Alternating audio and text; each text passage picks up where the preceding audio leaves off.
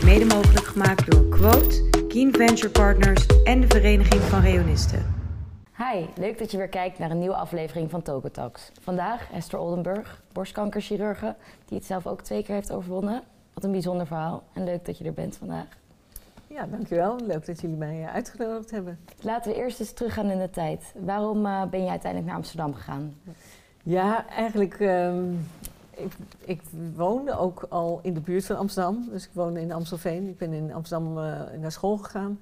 En ik heb eigenlijk helemaal nooit zin gehad om weg te gaan. Ik wilde eindelijk eens in Amsterdam wonen. Amstelveen is een soort slaapdorp van uh, hè, een slaapstad die dan dicht bij Amsterdam is, maar het is natuurlijk heel anders. Dus ik wilde eigenlijk echt graag uh, midden in Amsterdam gaan wonen en in Amsterdam studeren. Dus ik Ja, heb nooit over getwijfeld, nooit weggewild.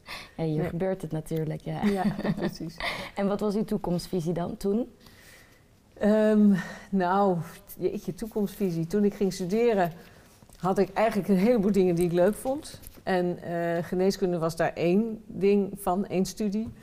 Maar ik vond ook eh, psychologie leuk en eh, ik heb over economie heel erg nagedacht en over de kunstacademie zelfs. Dus ik had hele diverse hobby's of dingen die ik leuk eh, vond. Maar zoals het toen was en nog steeds is, moest je voor geneeskunde loten en eh, selectie doen. Of eigenlijk was het toen, toen een pure loting. Dus ik dacht, nou, ik weet het nog niet, laat ik me daar maar ook voor inschrijven. En toen ik daar eh, voor werd ingeloten, ben ik het gaan doen. En eh, Geen spijt van gehad. geen spijt van gehad. Maar ik had nog niet een hele verre toekomstvisie. Behalve Nee. dat ik toen dacht van, nou, dan ga ik dus dokter worden. Maar Ja. hoe dat er verder uit ging zien, dat... eh, Ja, dus die, die interesse in, in borstkankerchirurgie is... eh, Nee, dat is eigenlijk veel later gekomen. Ja. Tenminste, ik, ben, ik heb heel lang gedacht eh, tijdens mijn studie dat ik de psychiatrie in zou gaan. Dat vond ik een ontzettend interessant vak. Ik heb ook nog een hele tijd gedacht dat ik toch het bedrijfsleven in zou gaan. Ik heb op een gegeven moment zelfs nog gesolliciteerd na mijn doctoraal in het bedrijfsleven. Maar toch doorgaan met de kooschappen en eigenlijk pas ehm, tijdens de chirurgie kooschappen werd duidelijk dat ik dat gewoon echt het allerleukste vond. Ehm, maar nog steeds zag ik mezelf niet echt als chirurg op dat moment. Was eerlijk gezegd ook nog wel in de tijd, er waren geen vrouwelijke chirurgen. En eh, ja, het was een mannenbolwerk. En niet dat het dat me op zich tegenhield, maar ik had niet een voorbeeld en niet een idee van, nou dat ga ik doen. nee. Eigenlijk pas helemaal op het laatst, toen ik eh, Ja. klaar was met mijn studie, heb ik besloten van, nou ik ga gewoon een jaartje chirurgie doen. Dat was eh, toen het idee. Toen blijven hangen. En toen blijven hangen, ja, Ja. inderdaad. En wie zag u toen als een inspiratie vroeger? Ehm, nou, ik had niet, ik had niet één speciaal eh, persoon die ik als inspiratie zag. Maar het is wel zo dat ik heel lang tijdens mijn, hè, de, ik, die jaren dat ik chirurgie ging doen, dat ik eigenlijk steeds dacht, ik word psychiater. En ik kon maar niet die keus maken. En ik ben na eh, kleine twee jaar eh, als niet in opleiding zijnde chirurg, ben ik onderzoek gaan doen in New York aan Cornell. Dat was natuurlijk een geweldige kans en daar heb ik mijn promotieonderzoek gedaan. Ehm, en toen dacht ik nog steeds van, ik weet het niet helemaal zeker of ik nou niet toch psychiater wil worden. Want ik miste eigenlijk een beetje de psychische kant in het vak. En toen heb ik daar een, eh, in Amerika dus eh, een boek gelezen van eh, Bernard Siegel. Hij was een chirurg, die, een echte oncologisch chirurg, dus helemaal op kanker gericht. En ja, ik denk dat hij wel een soort voorbeeld voor me is geworden toen. Want hij had echt... De klassieke chirurg was gewoon een botteboer en die praatte niet met zijn patiënten, die ging alleen snijden en er was hè, eigenlijk nauwelijks communicatie. En dat, ja, dat, dat, zo zat ik helemaal niet in elkaar. Maar hij was echt een nieuwe, zeg Ja. maar, soort chirurg.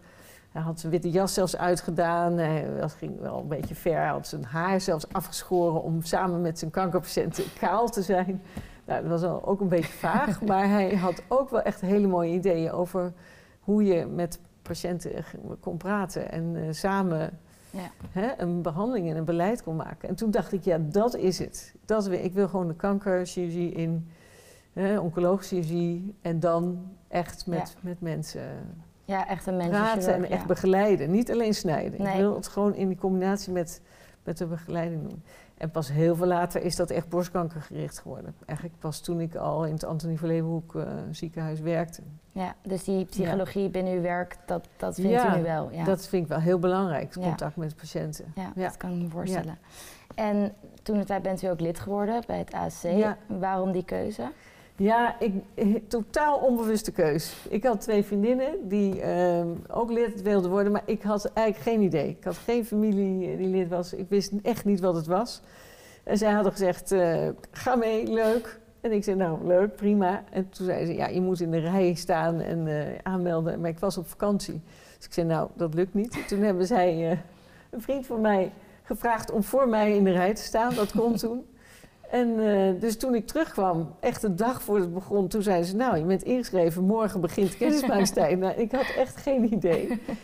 Maar, uh, je ehm, wel overdonderd, ja. Ik, ja, maar ik vond het meteen geweldig. Eigenlijk vanaf de eerste dag. Er waren natuurlijk. Uh, ik was in de gewone kennismakingstijd, dat was toen helemaal apart. Ik geloof dat er nu meer overlap is, maar in ieder geval. Ik kwam die eerste dag met een paar honderd mensen en ik, moest, ja, ik vond het eigenlijk meteen allemaal leuk. Ik vond het allemaal leuk. Dus ik heb heel snel, en ook in die eerste week al hoorde ik over Kwajam. En toen had ik een paar meisjes ontmoet die in Kwajam bleken te zitten al. Dus op, ik weet niet eens meer hoe, maar toen dacht ik, dat is het. Ik, dus ik was ook helemaal meteen duidelijk, daar ga ik heen. Dat wil ik. En heeft u veel baantjes gehad toen de tijd? Nou, ik ben uh, NPM, ik ben uh, in de dispuut ben ik een paar baantjes gaan doen. Uh, eerst de moederdag georganiseerd en toen de uh, werd ik prezes van de Groentheidscommissie en daarna werd ik prezes van Kwajam. En toen werd ik gevraagd voor de NPM. Dus toen heb ik NPM gedaan en in de NPM-tijd was heel, heel erg bijzonder. Dat is misschien wel wat, moet ik net zeggen, wat het meest bijzonder was, dat, dat wij als opdracht kregen uh, om een jaarclub op te richten. Het was toen een tijd dat er enorm veel groei was, enorm veel aanwas, of mensen die ook uitgeloten al werden. Dus eh, dit was in 85. En toen hebben we dus Jaarclub Chess opgericht. En dat was super, want dat maakte dat wij als NPM een enorme taak hadden, wat ons enorm verbroederde. Maar ook, er waren uiteindelijk 16 meisjes die uh, toen voor chess kozen. Um, overigens een klein beetje in mijn eigen nadeel, want het waren echt superleuke meisjes allemaal. Die gingen dus niet naar Kwajam, die gingen voor de fleurrondes al naar, hè, moesten ze al kiezen, dus die gingen naar uh, chess toe. Maar toen heb ik ook voor chess, want die, dat waren natuurlijk 16 uh, eerstejaars die uh, verder geen uh, dispuut, traditie of iets hadden, moesten het allemaal zelf bedenken. Ja. Dus toen ben ik de groentijd gaan doen als hun groentijdsprezes en ook ja, heel betrokken geweest bij chess al die jaren. En jarenlang kwamen wij nog als beschermvrouwen op hun jaarlijkse diner. En, dus dat was ook wel een... nu nog steeds? Nee, nee, nee. Ik, ik denk dat dat vijf, zes jaar of zo is, is geweest. En een van de andere NPM'ers heeft dat misschien nog wat langer gedaan. En, uh, maar op een gegeven moment, ja, dan ben je zelf ook echt ver weg. Kwam ik ook al nooit meer bij Kwajum in die jaren. En toen hield dat met chess ook op. Ja. ja. Ja. Want u bent nu borstkankerchirurge, maar u heeft het zelf ook twee keer gehad. Ja. Neemt u dan de verhalen mee naar huis? Nou ja, het is natuurlijk sowieso heel gek. Ik, was, ik ben al 22 jaar zit ik nu in het, in het Antonie van Leeuwenhoek. Dus, en sinds die tijd, sinds 99, echt me heel snel al helemaal borstkanker gaan toeleggen. En dus daar weet je alles van. En daar, maar je, in dit vak moet je, Ik stop daar heel veel in. En ik heb enorm, eh, enorme band vaak ook met mijn patiënten. Maar echt mee naar huis nemen, dat, dat, je moet ook weer iets afsluiten. Als je er wakker van gaat liggen s'nachts, dan is dit niet het vak voor, om te doen. Je moet, je moet ook toch wel weer een grens stellen tussen wat, wat daar is in het ziekenhuis en wat je in je privé meemaakt. Maar op het moment dat ik zelf ziek werd, dat was in 2007 voor het eerst, toen was het wel natuurlijk een enorme, ja, confronterend, een enorme klap. Want toen ineens had ik het zelf. Was ik niet meer die andere kant en niet meer die... Hè, letterlijk zat ik aan de verkeerde kant van het bureau. Dus dat was wel een hele heftige ja, e, ervaring. Um, en dat was eerlijk gezegd ook niet eens voor mij, maar ook voor mijn collega's. Ik was op dat moment, uh, ik was 44 en ik was de enige van mijn collega's eh, die eh, borstkanker had. Van, van niet alleen mijn chirurgencollega's, maar ook van eh, alle andere Ja. mensen in het ziekenhuis die we, waar we mee werkten. Dus ik was eigenlijk een van de eerste mensen toen, in die jaren, die zelf kanker kreeg. Terwijl je als kankerspecialist werkt. Dus dat was, ja, dat was gewoon heftig. Maar ik moet zeggen, ja, dat, dat, ja, uiteindelijk ging werd ik behandeld, ook in mijn eigen ziekenhuis, dat wilde ik per se. Maar dat, dus het was ook wel Ja. dubbel, want ineens was het niet meer ineens mijn werkplek, maar ook mijn eh, patiëntenplek. Want ik, weet, ik weet dat ik op een gegeven moment moest bestraald worden. En dat ging, was vijf weken lang en dan ging elke dag iemand mee, een vriendin of... eh, eh, ik heb zelfs mijn kinderen die heel klein waren meegenomen om, een keer. Omdat ik dacht van nou, die moeten even... Die denken niet dat er hele rare dingen misschien gebeuren. Maar dat het misschien allemaal niet zo eng is. Maar ik nam mijn vriendin mee en die was nog nooit daar geweest. En toen kwam ik daar aanlopen. Toen zei ik, nou, hier werk ik. En toen zei ik, oh, hier werk ik. Ja, hier word ik behandeld. Het was gewoon, hè, ik, ik, ik was gewoon... Eigenlijk dacht ik weer... De ene moment als, als dokter en als ik werk hier. En dan de andere moment van, eh, ik ben hier patiënt. Dus dat was wel verwarrend inderdaad. Maar goed, eh, ja, het is allemaal heel goed gegaan. En toen heb ik alleen zes jaar later nog een keer borstkanker gehad. Ja, dat is weer heel heftig natuurlijk. Ook dat je toch realiseert dat je Ja, dat bizar. nog een keer kan krijgen. En Toen weer heb- met Antonie van Leeuwenhoek. toen weer eh, daar. ja. Ja, Waarom weer- die keuze? ja, ik heb wel goed over nagedacht. Ik heb toen ook nog degene, mijn collega die mij behandelde en ook ging opereren. Daar heb ik ook heel veel mee gesproken. Ook van, of moet ik nu toch naar een ander ziekenhuis? Maar ja, het Antonie van Leeuwenhoek is wat dat wel de top van de top voor kankerbehandeling in Nederland. Ik dacht ineens, ja, ik ga toch niet nu, als ik zelf ziek ben, naar een ander ziekenhuis. Dan zou ik eigenlijk naar het buitenland willen gaan. Maar daar had ik hem totaal, was niet aan de orde. Dus dat, nee, ik, ik heb eigenlijk heel snel besloten van ik wil eh, ook Ja. nu weer hier behandeld worden. En door een collega dus geopereerd. En door een collega geopereerd. Ja, toen die tweede keer kreeg ik een veel grotere operatie. En toen hebben twee collega's, twee collega's chirurgen en twee plastisch chirurgen mij geopereerd. Dus dat was ook wel heel bijzonder. Je kreeg natuurlijk en een hele bijzondere band met je collega's. En zij moeten iets doen wat ook voor hun heel heftig is. Ja. Later zijn er nog andere mensen geweest die in mijn ziekenhuis ook, en ook andere mensen die ik ken, die ik nu, ik heb ook wel eens mensen geopereerd die ik zelf ken, of via via, of ook collega's zijn. Dus hoe ouder je wordt, hoe vaker dit natuurlijk ook gaat gebeuren. Ik heb wel altijd een bepaalde grens, ik voel wel heel duidelijk wie ik wel en niet wil behandelen. Dus als mijn allerbeste vriendin een borstkanker zou hebben, dan ga ik niet, niet zelf behandelen. Maar als iemand ietsje verder is, een vriendin van een vriendin die ik zelf niet ken, dan natuurlijk wel. Maar goed, en zo was dat toen ook voor mijn collega's. Ik heb ze echt heel bewust gevraagd van, goh, willen jullie mij eh, opereren en behandelen? En dat wilden ze. Zij hebben er niet over getwijfeld. Nee, Nee, nee. dat lijkt me best Nee. wel een, groot Ja. vertrouwen wat je dan aan iemand geeft. Ja, Ja. ook- ja toch een risico. Ja, maar ja, ik voelde mij enorm eh, vertrouwd bij ze. En ehm, ik, ja. En nou, zij hebben daar goed ook wel over nagedacht. Maar inderdaad wel eh, echt gezegd van ja, nee, dat willen we doen. Ja. Of, eh, ja. Ja, want wat u net Ja. zei over die eh, schrijver of die oncoloog die zichzelf kaal Ja. heeft geschoren. Bijna, ja.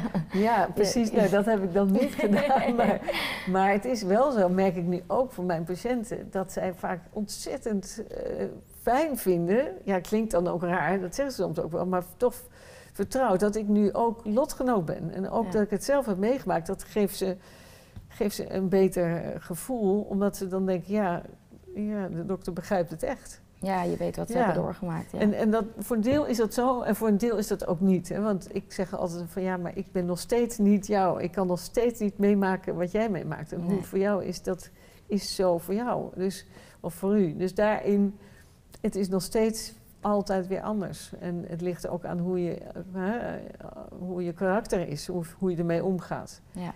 Dat is denk ik nog wel heel belangrijk. Dat mensen vaak, hè, ja, hoe je, inderdaad, hoe je, of, je, of het glas half vol is of het glas half leeg. Hoe je in het leven staat, maakt ook heel erg uit hoe je in zo'n behandeling eh, staat. Dus dat maakt, ehm, dat maakt dus ook altijd anders voor iedereen, hoe, hè, voor een, een mens, hoe je, hoe je dat allemaal ondergaat. Ja, want Ja. vertelt u het uw patiënten altijd? Nee, nee. Ik heb het heel lang helemaal niet verteld. Maar eigenlijk een paar jaar terug, ehm, ik ben eh, een jaar of vijf, eh, zat ik in de raad van toezicht van Pink Ribbon. Dat was toen een hele grote fondswerving voor borstkanker. Maar het ging eh, een tijd eigenlijk helemaal niet zo goed. En we hadden enorm veel geld nodig om al die subsidies voor, voor onderzoek te honoreren. En toen werd op een gegeven moment gevraagd of ik met mijn verhaal in het jaarlijkse tijdschrift wilde staan. En dat tijdschrift dat was echt een grote bron van inkomsten. Hè, dat was elk jaar tegen een miljoen aan inkomsten. eh. en ik dacht, nou, weet je, nou, dat is nou wel een goed doel. Als ik daar met mijn verhaal in kom, dan eh, wie weet dat dat de verkoop opschroeft of zoiets. En deed het het? Nou, helemaal niet. Dat was eigenlijk een hele naïeve gedachte, helemaal niet. En volgens mij was het ook nauwelijks gelezen, maar eh, iemand, iemand pikte dat op. En een half jaar later werd ik gebeld door Medisch Contact, dus zeg maar het vaktijdschrift voor, hè, voor, voor medici en ook voor paramedici. En die hadden het wel gelezen en die zeiden van, goh, wil je niet ehm, een keer eh, ook voor, hè, geïnterviewd worden voor het Medisch Contact? En toen dacht ik, nou ja, die eerste keer ging prima en er is verder geen mens die erover over begon, dus waarom niet? En toen nog een half jaar later had, eh, eh, een, journalist van de Volkskrant eh, dat opgepakt. En die vroeg toen van, eh, of ik voor een artikeltje in de Volkskrant eh, mijn verhaal wilde doen. Dus ik was weer zo van, nou prima, eh, leuk, maar niet, eh, niet verwachten dat toen ineens een enorme omslag kwam. Want eh, eh, dan realiseer je pas, de Volkskrant wordt echt wel heel veel gelezen. Ja. En dan gaat ook zo'n eh, columnachtig stukje gaat ook op social media gaat, eh, ineens viral. Dus toen kreeg ik ongelooflijk veel reacties. Ineens merkte ik van, oh, de Volkskrant is echt wel wat anders. Geen spijt van. Nee, geen spijt van. Maar toen, het was inderdaad al gebeurd voordat ik het eigenlijk door Ja. En eh, sindsdien zijn er inderdaad patiënten. En toen ben ik ook een paar keer op tv geweest. En eh, bij Kruispunt een soort special. Het, eh, anderhalf jaar terug nu. En vorig jaar bij Jinek. Nou, dan zijn er ineens heel veel mensen die het weten. Dus Ja. dat, hè, dat soort programma's. Maar ik merk nu... Kijk, ik heb er geen last van. Ik, ben, ik voel me goed. Het is lang geleden. Ondertussen de tweede keer is ook alweer acht jaar geleden. Dus ik, het is niet zo dat ik er eh, last heb van als mensen me daarover bevragen of confronteren. En de, dus de- ik heb er geen nadeel van. Het voordeel is dat ik merk dat heel veel mensen daar eh, hoop en steun uithalen. En, en dat, dat is eigenlijk alleen maar fijn. Dat is een simpele manier om, om mensen te kunnen steunen. Ja, Dus- precies. Ja, het kan dus- mensen zeker ja. helpen, denk Ja. ik. Ja. ja, precies. En dat is ook wel een van de redenen. Vorig jaar hebben we een hele nieuwe editie van eh, een boek over borstkanker. Dat heet nu Alles over borstkanker geschreven. Daar kwam ook heel veel, publiciteit over. Ehm, en dat is ook wel iets wat, wat extra. Hè, je merkt dat, je enorm, dat ik enorm wil uitreiken naar patiënten. Naar, naar, hè, om ze zo goed mogelijk te informeren. En nou, daar, daar is dit één onderdeel van. Ja. U heeft een boek geschreven, Alles over borstkanker. Wat was het Ja. doel daarvan? Ehm, nou ja, het, boel- eh, het doel is om inderdaad voor patiënten eh, op, zo duidelijk mogelijk manier eigenlijk alles bij elkaar over borstkanker te schrijven. Want er is ongelooflijk veel zeg maar, te vinden op internet, op, eh, op fora, op eh, besloten en open patiëntengroepen. Maar er is ook heel veel, hè, dat maakt het ook juist weer lastig. Want niet alles klopt en niet alles is waar. En wij hadden echt het gevoel van, ja, het is toch heel fijn om iets in je handen te hebben. Om echt te weten van dit, wat hierin staat, dat klopt allemaal. En, ehm, en om ja, een compleet boek van de geschiedenis en de diagnose en de, tot alle behandelingen en ook de late gevolgen. En ja, alle bijkomende dingen, eh, die zeg maar psychosociale kant, om alles daar in één boek te vatten. En we hadden het boek eerder al voor de eerste keer eigenlijk in 2007 uitgebracht. En we hebben het nu eh, eigenlijk nog veel beter gemaakt, omdat we hebben met 27 co-auteurs, dus ik ben samen met een ander eh, chirurg, eh, mijn collega Marjaan Franke Peters, eh, zijn we hoofdauteur, maar we hebben 27 eh, co-auteurs vanuit, bijna allemaal vanuit het Antonie van Leeuwenhoek ook gevraagd om op hun specifieke gebied eh, mee te schrijven.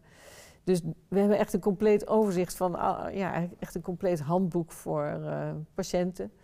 Um, maar het is, wordt ook gebruikt door uh, studenten, door huisartsen en, en, natuurlijk patiënten en hun omgeving.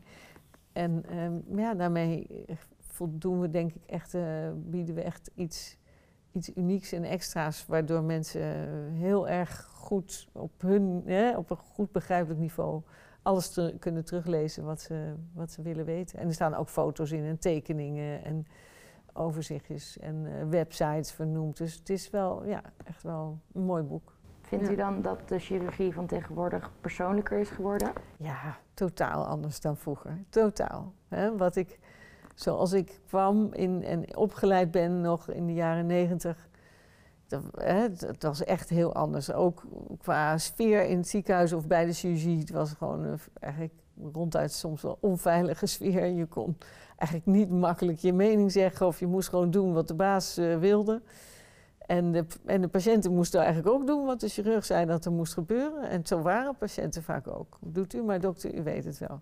He, klassieke, uh, wat je nu nog wel hebt. Hè, maar je hebt tegenwoordig veel meer mondige mensen die heel erg zelf ideeën hebben en, en dingen niet of wel willen.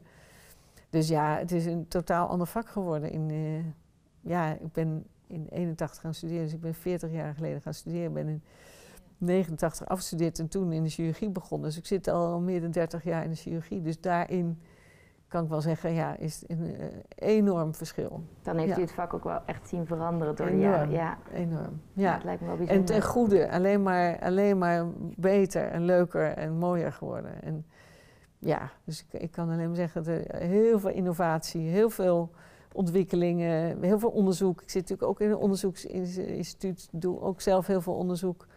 Ja, aantal promovendi en uh, of studenten. En eigenlijk, dat wordt allemaal helemaal in de praktijk toegepast. Terwijl vroeger was, was dat ook veel minder. En dan kon je een onderzoek aanhalen, maar dan zei mijn baas, chirurg, van nou, we doen het gewoon lekker zoals ik het al 40 jaar doe. Ik heb niks te maken met dat nieuwe onderzoek. en dat, dat was verschrikkelijk af en toe. Ja, maar dat is nu vast, niet ja. meer. Ja, nu is het echt, uh, staat iedereen ook open. Zeker in zo'n onderzoeksinstituut zoals waar ik zit. Uh, iedereen staat open voor ontwikkelingen en vernieuwingen. En dat is ook echt heel gaaf. Ik ben echt ook steeds weer... Uh, we zijn heel erg bezig met de behandelingen steeds meer op maat te maken. En ook steeds minder schadelijk of te de-escaleren. Dus ook steeds minder te behandelen. En aan de andere kant sommige behandelingen juist te intensiveren, hè, te escaleren. Dus we, we alles al uh, op gericht inderdaad om, om precies op maat te doen. Daar waar het nodig is meer en daar waar het kan minder. Ja, want kan er nog heel veel op het vlak van borstkankerbehandelingen uh, verbeteren? Ja, Ja? enorm. Dan nog steeds. Het, het verbetert al elk jaar. En elke paar maanden en elke, elke week bij spreken komen er weer onderzoeksresultaten van waar ook ter wereld waar je Waar weer stappen op gezet worden. Dus het is een enorm dynamisch vak. Uh, steeds meer, hè, ook natuurlijk moderne middelen, allemaal. Hè, immuuntherapie is nu eigenlijk helemaal wat in opkomst is. Dus heel specifieke aangrijpingspunten. Uh, maar ook echt hè, om het eigen afweersysteem te stimuleren, waardoor ook ja, uitgezaaide kanker die vroeger, uh, waar mensen al lang aan overleden waren, nu toch nog weer te behandelen is. Dus er zijn enorme, worden enorme grote stappen gezet. Ja. Ja. En denkt u dan dat kanker ooit de wereld uitgaat? Of Nou, niet helemaal de wereld uit, maar wel, we gaan wel steeds minder kanker. In ieder geval bij borstkanker, de sterfte daalt aan hè, eigenlijk ongeveer 1% daling van de sterfte per jaar, zo'n beetje. Dus dat is enorm. En dat zou betekenen dat we over 10, 20 jaar, als dat zo doorgaat, nou, helemaal, eh, maar dat, dat geloof ik toch niet. Er zal altijd wel eh, een stuk niet te behandelen zijn. Maar we hebben wel steeds slimmere medicatie, steeds betere combinaties. Uh, steeds meer op maat, nogmaals, wie we wel en wie we niet moeten opereren. Dus ik geloof wel dat we, dat we echt nog heel veel stappen gaan maken. Ja, ja, hopelijk over 10, Ja. 20 jaar. Ja, dat zou wel. precies. En borstkanker is dan relatief al een re- eh, goed te behandelen soort kanker. Je hebt ook nog kankers die heel veel minder goed te behandelen zijn. Dus daar daar is nog veel meer winst te halen. En ik hoop dat we dat ook in, in die andere kankersoorten gaan doen. Ja, precies. Ja. ja. En heeft u eigenlijk nog tips voor de geneeskundestudenten van nu? Ja, ik, kijk, het is best lastig eh, nu. De concurrentie is vermoordend. Dat vind ik wel echt, eh, dat zie ik. Je hebt ongelooflijk goede mensen die allerlei dingen gedaan hebben en dan ja, eigenlijk eh, toch misschien niet op die plek komen die ze willen. Ehm, ik denk toch dat je echt altijd in je hart moet kijken van wat, wat, wat wil ik echt doen. En dat, je, dat het soms misschien een lange weg is, maar dat je die wel moet blijven nastreven. Want dat je, dat je toch uiteindelijk alleen maar dat kan doen wat je echt heel graag wil doen. En um, dus de, ik zie nu ook wel eens dat mensen denken van nou, het gaat toch niet lukken, ik doe het al niet. En dat, dat vind ik dan ook weer jammer. Dus ik zou zeggen van ja, ga er gewoon toch voor en doe het met je hart en geniet van de weg ernaartoe. En of die op een gegeven moment nog weer een hele andere kant op gaat of je kan, je kan er niet heel ver vooruit kijken. Dus ga, ga gewoon doen wat je leuk vindt en, en kijk hoe, hoe hè, waar je komt. Ja. Um, je weet ook niet wat op je pad komt. Nee, je weet ook niet. En, en zie niet te veel beren op je weg, want die, die zullen er altijd wel komen, maar die kan je wel weer, hè, daar komt wel weer een oplossing voor. Ja. En um, ja, en dat, zo heb ik dat zelf in ieder geval ook gedaan. En ik weet nog toen ik eh, chirurg ging worden, ik heb letterlijk werd aan mij gevraagd van, maar mevrouw, over uh, tien jaar heeft u toch een man en drie kinderen, en wat gaat u nou chirurg worden? Echt letterlijk. Maar dat heeft mij toen nooit weerhouden om te zeggen van, nou, ik wil gewoon chirurg worden. Dat heeft helemaal niks mee te maken wat ik verder wil. En ook toen ik kind, mijn eerste eh, kind kreeg in die tijd, was nog nooit een vrouw die een kind had gekregen in mijn opleidingsregio. Nog nooit een chirurg die uh, in de opleiding was. Dus iedereen dacht, oh, ga je dat doen en zo. Maar ik dacht, nou ja, ja we zien het wel. Ik, ga het, ik wil, hè, dat wil ik ook. En zo kom je gaandeweg um, eigenlijk steeds weer op oplossingen. Dus ik, ik, denk dat je... En later kwamen er ook wel vrouwen naar me toe van... jeetje, hoe doe je dat? Ik zei, nou, je moet gewoon vooral niet te veel nadenken eigenlijk. Je moet gewoon doen en er komt voor alles een oplossing. En als je het hè, te, te groot maakt. En zo, zo ging het ook, ja. Je moet wel dingen uit handen willen geven en, en niet alles zelf willen doen. Als je, ik heb wel heel lang fulltime gewerkt en uh, ook met drie kleine kinderen. Maar dat, dus je moet wel ook zeggen van nou, ik wil niet elk, uh, elk eerste geluidje zelf meemaken of zo. Dus je moet ook ja, wel keuzes maken. Maar, die, die, ja, maar het kan wel allebei.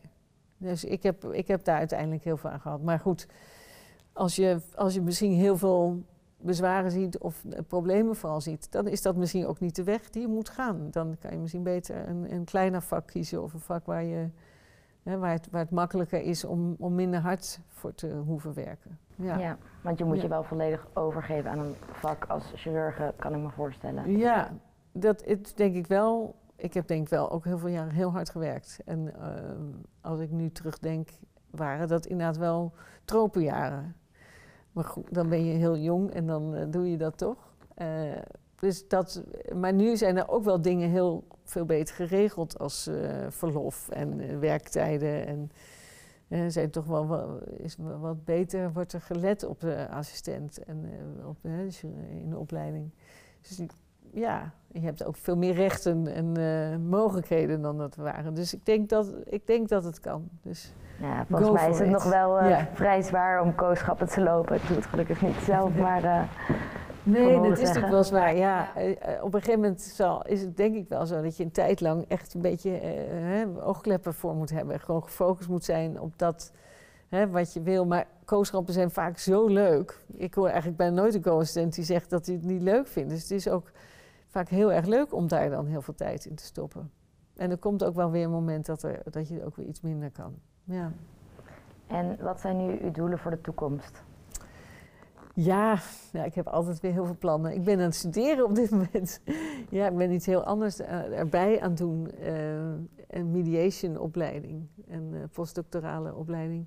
Dus ik wil uiteindelijk ook wel mediator worden. En misschien wel naast dit vak of in de medische wereld. Bij, hè. Dus ik vind het heel interessant om conflicten en geschillen ja, te begeleiden. En er zijn natuurlijk ook in de gezondheidszorg, maar ook daarbuiten heel veel uh, dingen die uh, misgaan. Of waar mensen, waar mensen werken, botsen mensen ook. Dus dat vind ik, dat is mijn, mijn volgende uitdaging. En verder ben ik bestuurlijk heel, heel actief. En dat vind ik ook heel leuk. Dus ik doe nog, ben een aantal, ja, eigenlijk heel veel bestuurlijke functies binnen het ziekenhuis. En eerste ook buiten, ook landelijk. Uh, dat is nu weer wat minder. Ik, ik hoef niet meer zo nodig um, de landelijke besturen in en ook niet meer zozeer op de bühne qua wetenschappelijk onderzoek presenteren en, en reizen daarvoor. Dat, dat, dat, heb ik allemaal gehad en dat vind ik nu minder leuk. Um, maar ik wil wel heel graag uh, inderdaad de, die mediation verder uitbouwen en op een gegeven moment naast mijn werk als chirurg gaan doen. Toch ja. ook weer meer de mensenkant op. Ja. Ook weer de mensenkant, ja, ja. Ja, dat heeft mij altijd het meest geboeid. Dus misschien, uh, ja, die... Uh, te, de techniek van het opereren overigens vind ik ook heel leuk. Het knutselen en heerlijk muziekje erbij, kletsen, een hele dag opereren, een, hele, een lekker dagje. Maar ik vind altijd, daar moet, het is meer dan dat. Ik wil niet alleen maar opereren, ik wil ook praten met patiënten, maar ook inderdaad besturen en inderdaad een conflict oplossen. mediation vind ik ook heel interessant. Ja, ja, gewoon veelzijdig werk. Ja. ja, heel afwisselend werk. Elke dag wat anders. Zo, zo ziet mijn week er ook uit. En dat hoop ik. En ik hoop nog lang door te werken. Nee, ik denk dat mediation... Als chirurg zou je op een gegeven moment um, toch weer... Nou, dan wordt het misschien wel zwaarder. En zou ik zeker niet na mijn pensioen... Uh, dan, dat wil je niet meer langer doen dan maar ik ben nu 58, dus ik, ik ga dit nog wel uh, negen jaar, acht, negen jaar doen. Maar zo'n mediation, dat is echt iets wat je, wat je echt nog veel langer kan doen. Wat je ook, hè, daar waar je eigenlijk voordeel hebt als je ouder bent, omdat je wat wijzer bent en rustig. En inderdaad heel goed kan bemiddelen.